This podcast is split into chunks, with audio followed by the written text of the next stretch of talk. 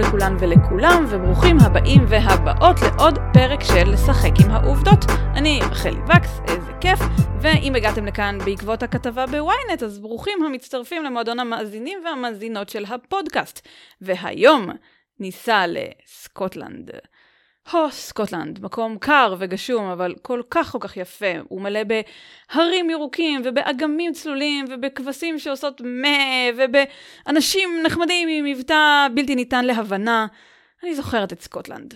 וכיאה לחלק מרכזי מאירופה ומהממלכה הבריטית, יש לסקוטלנד היסטוריה מפוארת. במשחק הקופסה, Isle of Sky, האי סקאי, אנחנו נכנסים להיסטוריה הזאת, לקלנים, לשבטים הסקוטים האלה, שהם אה, חלק מהתרבות המקומית, בתכלס במידה מסוימת עד היום, ואנחנו מבקרים בסקאי, באחד האיים היפים באירופה.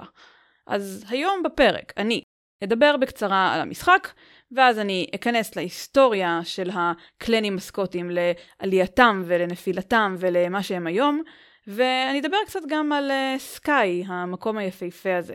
אז הכינו אתכם את החלילים ואת החצאיות המשובצות. הנה אנחנו מתחילים.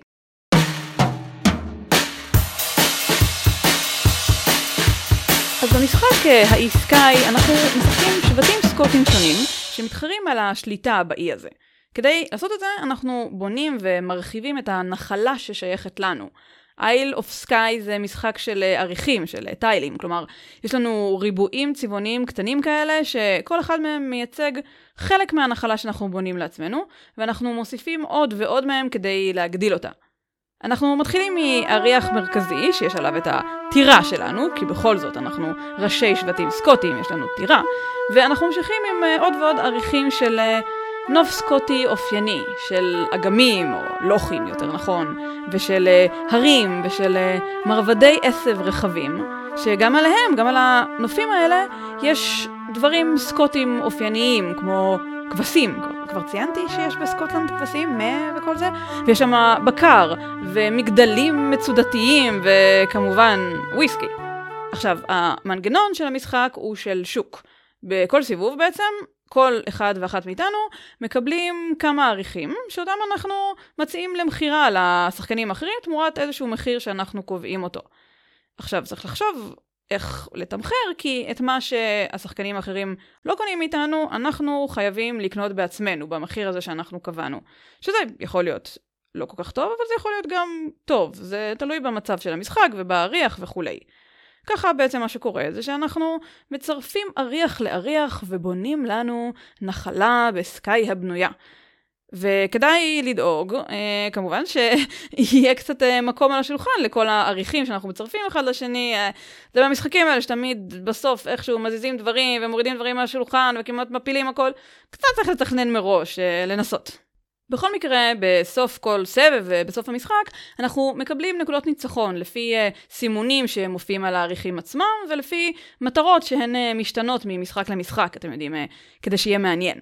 וכשהמשחק נגמר, יש מולנו את הנחלה הרצופה והצבעונית והיפה שלנו בסקוטלנד.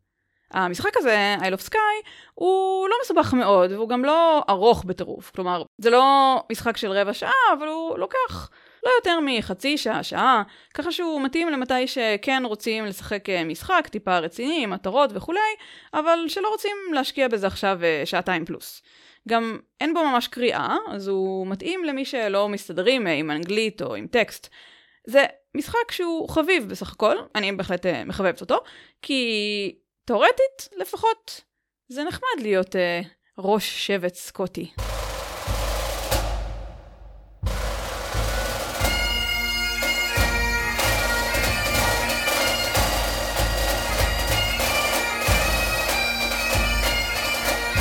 ונדבר על הקלנים, על השבטים הסקוטים. חשוב להבין, לפני שאנחנו מתחילים, ש...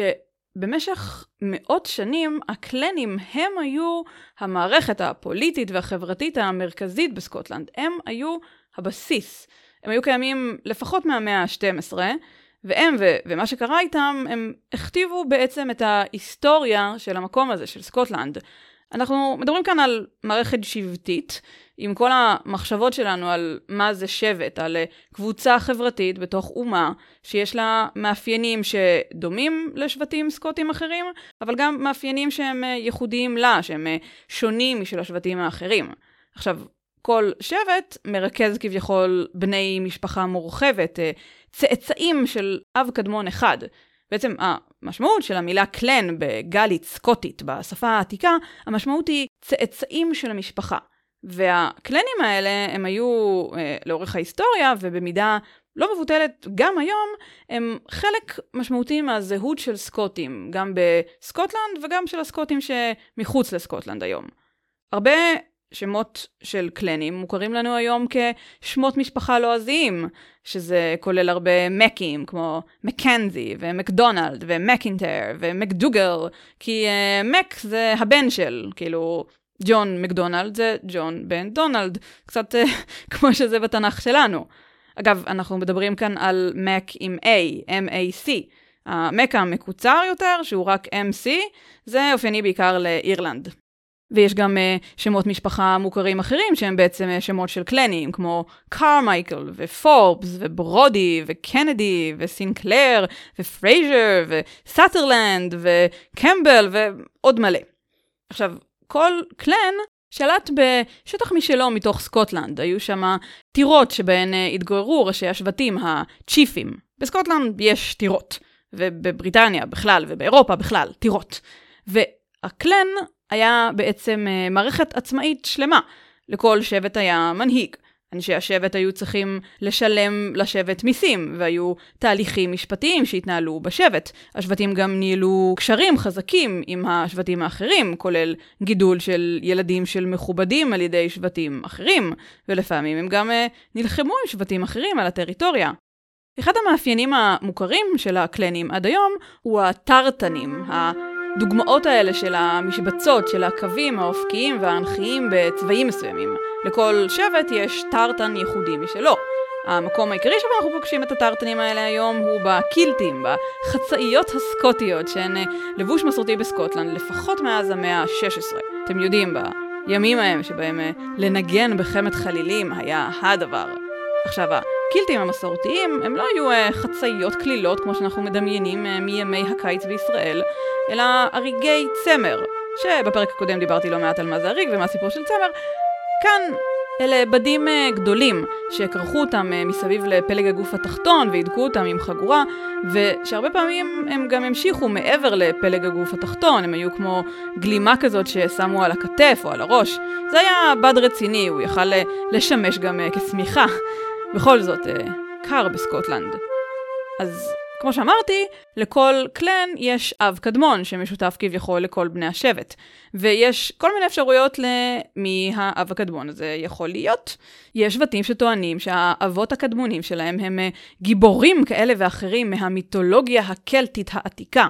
או מלכים אגדים מהאזור, כמו ניול של תשעת בני הערובה, מלך אירלנד, או המלך אה, קנף מקאלפין, שהקים את אה, סקוטלנד המודרנית, כשעוד קראו לה ממלכת אלבה. עכשיו, ברור שקשה מאוד לאמת את האמינות ההיסטורית של טענות כאלה. אנחנו כן יודעים שבמאה ה-13 המלוכה הסקוטית כבשה מהנורדים אה, אזורים במערב סקוטלנד.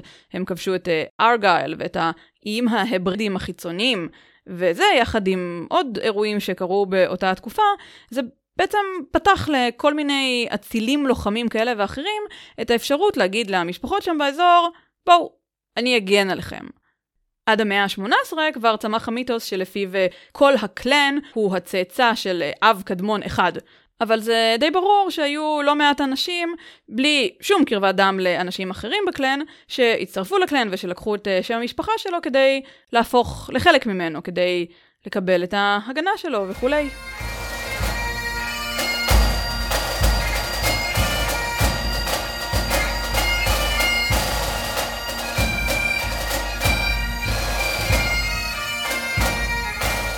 אז במשך מאות שנים סקוטלנד הייתה אומה של קלנים. ואז זה הפסיק. אז הקלנים הפסיקו להיות המערכת החברתית והפוליטית. והיו סיבות היסטוריות ברורות לתהליך הזה. האירוע העיקרי שגרם לו להתרחש היה קרב קלודן, שנערך ב-1746. באותם ימים אנגליה וסקוטלנד היו מאוחדות. הן היו שתי ממלכות שהתאחדו לאחת ב-1707 דרך אה, חוקים שנחקקו בפרלמנט האנגלי ובפרלמנט הסקוטי, וביחד הן נקראו ממלכת בריטניה הגדולה. קרב קלודן הגיע בהמשך להתחלפות של השלטון בבריטניה. עד 1714 שלט בבריטניה בית המלוכה סטיוארט, שהיה ממוצא סקוטי והיה קתולי. אבל ב-1714 בית סטיוארט הודח, והאנגלים הזמינו את בית הנובר למלוך עליהם, שזה היה בית מלוכה פרוטסטנטי, גרמני, עם קרבת דם לשושלת המלוכה האנגלית. הקלנים הסקוטים לא אהבו את זה, והם מרדו. כמה פעמים, כשקרב קלודן, שנערך ב-16 באפריל 1746, זה היה הקרב הכי משמעותי בנושא. מי שהוביל את קרב קלודן מהצד של התומכים בבית סטיוארט היה צ'ארלס אדוארד סטיוארט, שכונה גם אה, בוני פרינס צ'ארלי, כלומר אה, הנסיך צ'ארלי היפה. הוא היה יפה. הוא טען שכבן לשושלת סטיוארט, הוא צריך להיות מלך בריטניה. והוא גייס עליו את אה, אנשי הערים הסקוטים, את אנשי הקלנים, ובהתחלה הנסיך צ'ארלי הצליח לכבוש חלק מסקוטלנד. אבל מהר מאוד היה לו קשה להמשיך להתקדם. היו כמה בעיות בתוכנית שלו. קודם כל, הנסיך צ'ארלי עצמו היה בעייתי. הוא היה אדם הרפתקן, היו לו תוכניות גדולות. אבל הרבה פעמים הוא עשה דברים שאולי נשמעים מגניבים, אבל שהם חסרי אחריות, שזה לא תכונה אידיאלית למנהיג צבאי שרוצה למלוך על אומה שלמה. גם אנשי הקלנים, הם היו אמנם אה, לוחמים אה, מנוסים ועוצמתיים, אבל לא היה כל כך קל לגרום לכולם לציית למפקד אחד, הם היו רגילים לעשות uh, מה שהם רוצים. וגם לא כל הסקוטים תמכו בנסיך היפה. היו כאלה, בעיקר בשפלה הסקוטית, באזורים הדרומיים יותר של סקוטלנד, היו שם כאלה שדווקא היו די מרוצים מהשלטון של בית הנובר. חוץ מזה, הנמלים באי הבריטי היו בשליטה של הכתר הבריטי, ככה שהאנגלים יכלו לגייס תומכים ממדינות אה, פרוטסטנטיות אחרות, אבל הסקוטים לא. ובסופו של דבר, מה שקרה זה שהנסיך צ'ארלי והכוחות שלו כותרו על ידי האנגלים באזור של אה, ביצת קלודן, שבסקוטלנד. זה לא רחוק מאינברנס, זה נמצא צפונה צפונה מאדינברו ומגלזגו. שבקרב הזה, היו 5,000 מנאמני בית סטיוארט הסקוטי, מול 8,000 מנאמני בית הנובר האנגלי, שהם היו האנגלים תחת uh, פיקודו של uh, ויליאם דוכס קמברלנד, שזה היה הבן הצעיר של uh, מלך אנגליה. עכשיו, תנאי השטח בביצה שם היו לטובת האנגלים, והיה להם יתרון משמעותי מבחינת הארטילריה. ומה שקרה היה שהסקוטים פשוט נטבחו. באיזשהו שלב אחד הקלנים, שבט קמרון, החליט שהוא פשוט מסתער על האנגלים, והם פשוט ממש חוסלו בהמוניהם. האנגלים היו רבים יותר, ומסודרים יותר, וממושמעים יותר. לסקוטים באמת לא היה סיכוי. הקרב כולו, הוא לקח פחות משעה. כשהקרב הסתיים, היו 1,250 הרוגים סקוטים, כמות דומה של פצועים סקוטים ו-376 שבויים. כשלאנגלים היו רק 50 הרוגים. כן, 1,250 מול 50. הרבה מהסקוטים שלא נהרגו בקרב עצמו, אם זה לא מספיק, הם נטבחו אחר כך והוצאו להורג. הנסיך צ'ארלי, אגב, ברח כשהוא מחופש לאישה, והוא הסתתר אה, בבתים של אה, תומכים שלו. אחד המקומות שבהם הוא הסתתר היה האי סקאי. שם הוא התחבא אצל קפטן ג'ון מקינון משבט uh, מקינון, ולפי האגדה, שם הוא המציא את המתכון לדרמבוי. כשדרמבוי זה משקה סקוטי מעולה, שהוא מכיל אה, וויסקי סקוטי ודבש ועשבי טיבול, ושבניגוד לסקוטלנד, בישראל הוא הרבה יותר מדי יקר. זה משקה שמאפיין מאוד את האי סקאי, משם הוא כאמור בא, כן, אה, שתיתי אותו שם באי, והוא היה טעים הרבה יותר ממה שהוא אי פעם יוכל להיות בכל מקום אחר. בכל מקרה, את שארית חייו, צ'ארלי, הנסיך צ'ארלי היפה, העביר מחוץ לסקוטלנד, והוא היה עסוק בעיקר בלהיות שיכור. כאילו, כיאה ממציא המשקה האלכוהולי, שהוא אחד המאפיינים את סקוטלנד. כן, כשהוא מת, ב-1788 לא היו לו בנים חוקיים, ובעצם כבר לא היה אף אחד מבית סטיוארט שידרוש את הכתר הבריטי. אז אה, כן, הסקוטים רוסקו בקרב קלודן. ואחרי זה, הקלנים כבר לא היו אותו הדבר. קודם כל, כמו שהבנתם, המון מחברי הקלנים השונים נהרגו בקרב. ולא הרבה אחרי הקרב נחקקו חוקים שפירקו את uh, מה שעוד נשאר. באוגוסט 1746 נאסר על אנשי הקלנים מההיילנדס, מהחלקים הצפוניים uh, הגבוהים שבסקוטלנד, שהם מרדו, נאסר עליהם להחזיק ברשותם כלי נשק. כשהעונש על החזקה של כלי נשק היה חמור מאוד והעקיפה הייתה נוקשת. ולא רק זה, נאסרו בחוק גם מנהגים שהיו ייחודיים לקלנים, כמו ללבוש טרטן של הקלן, ואפילו לנגן בחמת חלילים ולדבר את השפה גלית סקוטית. ב-1746 גם נלקחה מהקלנים הזכות לשפוט את בני השבט שלהם, מה שבאמת אה, ריסק את הסמכות של הקלן. הרבה אנשי קלנים גם סולקו מהבתים שלהם ב-1750, כשהסחר בצמר היה בעלייה ובעלי הבתים העדיפו למלא את השטח שלהם בכבשים במקום באנשים. בעקבות התנאים הקשים האלה שהם חוו, המון סקוטים מהקלנים השונים גם היגרו אל העולם החדש, לאמריקה. אבל, כשהשנים חלפו, הייתה התעוררות מחודשת של הקלנים. לא כמסגרת חברתית כה חשובה כמו קודם, אלא כאיזשהו מקור להזדהות תרבותית, או לנוסטלגיה, או לגעגוע רומנטי למה שהיה פעם. בסקוטלנד קיים היום אה, בית המשפט של הלורד ליון, שבו רשומים הקלנים השונים והצ'יף, המנהיג של אה, כל אחד מהם. הרבה סקוטים בסקוטלנד ומחוץ לסקוטלנד חשים אה, הזדהות עם קלן כזה או אחר. הקילט הפך ללבוש חגיגי שסקוטים לובשים אה, לחתונות למשל, ואז רואים חתונה שיש בה גברים בחצאית, שזה כמובן משעשע. אגב, אני יודעת שיש נושא אחד שרבים תוהים לגביו, שהוא כמובן מה מסתתר מתחת לחצאית של הסקוטי? ובכן, אני פה כדי לתת לכם את התשובות לשאלות החשובות ביותר. מוכנים? אז, בסקר שנערך בקרב גברים סקוטים שנוהגים ללבוש או שהתנסו בלבישת קילט, נמצא ש-55% מהם לובשים תחתונים מתחת, 7% לובשים מכנסיים קצרים או משהו אחר, ו-38% לא לובשים כלום. כן, אה, תודו שלא יכולתם להמשיך את חייכם בלי המידע החשוב הזה. אגב, 91% אה, מהנשים הסקוטיות שנשאלו אמרו שגבר בקילט זה דבר מושך.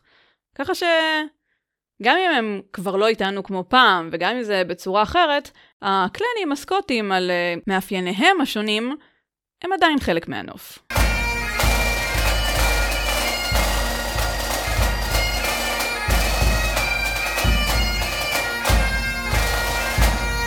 עכשיו אה, בואו נדבר קצת על אה, האי סקאי עצמו, זה שבו המשחק אה, מתרחש. סקאי הוא אחד מהאיים ההברידיים הפנימיים, שהם נמצאים במערב סקוטלנד, והוא באמת אחד המקומות היפים בסקוטלנד. אני זוכרת שראיתי את זה היטב כשהייתי שם, גם uh, מעבר לכל העננים ששלטו באי. במשחק האי סקאי אנחנו יכולים לשחק חמישה שבטים שכאמור נאבקים ביניהם על השליטה באי. השבטים הם מקלאוד, מקדונלד, מקניקייל, מקינון ומקאינס. וחמשת השבטים האלה באמת uh, קשורים ושלטו בחלקים באי סקאי האמיתי. מקדונלד ומקלאוד היו השבטים העיקריים באי, והם באמת uh, נאבקו ביניהם, היו ביניהם uh, כמה קרבות רציניים. מקינון שלטו בעיקר בסטראט-היירד, שזה בחלק הדרומי יותר של האי. מקניקייל היו קשורים לטרוטרניש, שזה בצפון, והרבה ממקאינס גרו בסליץ' שבדרום. אם תבקרו בסקאי היום, תוכלו למצוא שם שרידים של כמה טירות מפורסמות שהיו שייכות לקלנים השונים ששלטו בו, כמו טירת נוק, שעברה בין אה, שבט מקדונלד לשבט אה, מקלאוד וחוזר חלילה. לפי המסורת, הטירה הזו רדופה בגברת ירוקה ששמחה כשחדשות טובות עומדות להגיע, ושעצובה כשחדשות רעות עומדות להגיע. מספרים גם שיש בטירה רוח שדואגת לחיות המשק. ויש בסקאי גם את uh, טירת דנוויגן, שהיא אשכרה טירה פעילה גם היום, והצ'יפים של uh, שבט מקלאוד מתגוררים בה ברציפות מאז המאה ה-13. חוץ מטירות יש בסקאי את uh, עיר הבירה של האי, את פורטרי, שיש בה נמל יפהפה ובתים יפים שכל אחד מהם בצבע אחר, ויש מפל שנופל מצוק בשם קילט רוק, שכביכול נראה כמו חצאית סקוטית, ויש המון נוף מדהים כמו שרק סקוטלנד יכולה לספק. אז, עד כאן עוד פרק של לשחק עם העובדות. אני רחלי וקס, ואני לא יודעת מה איתכם, אבל לי הפרק הזה עשה חשק אדיר לחזור ולטייל בסקוטלנד, הפעם עם uh, ציוד גשם כמו שצריך. ואם נהנתם, אני מזמינה אתכם לעקוב אחרי הפרק באפליקציית הפודקאסטים שלכם, פשוט תלחצו על subscribe או follow או מעקב או הרשמה או פלוס כזה, ולעקוב אחרי הפודקאסט ואחרי כל השאר הדברים הבאמת מגניבים שאני עושה בכך שתעשו לייק בפייסבוק לרחלי עושה דברים, או שתיכנסו דרך גוגל לאתר של רחלי עושה דברים, או דרך הכתובת של רחלי.me, r-a-c-h-e-l-i.me, אפשר להירשם שם לניוזלטר ולמעקב בדפדפן ולשוטט, כיף לשוטט שם. אם עשיתי לכם חשק לקנות את המשחק Isle of Skye, אני יודעת שלי משום מה יש פתאום חשק לשחק בו, אז יש לינק לאי-ביי בתיאור הפרק, האם תרצו גם לינק נוח לאמזון למשל, ספרו לי בתגובות בפייסבוק ובפרטי. בתחילת החודש הבא אני אהיה כאן עם עוד פרק חדש ומרגש של לשחק עם העובדות. והפעם ניכנס לעולמות אה, פסיכולוגיים יותר, אה, מסתורי. בכל מקרה, נראה לי שאתם אה, מבינים שלא, אני לא הולכת לדבר על פנדמיק. אז, עד לפעם הבאה, תודה שהאזנתם, שתזכו לראות רק נוף יפה, שהדרמבוי שאתם שותים תמיד יהיה משובח, ושהחצאית הסקוטית שלכם לא תגרד. וביי ביי, ולהתראות.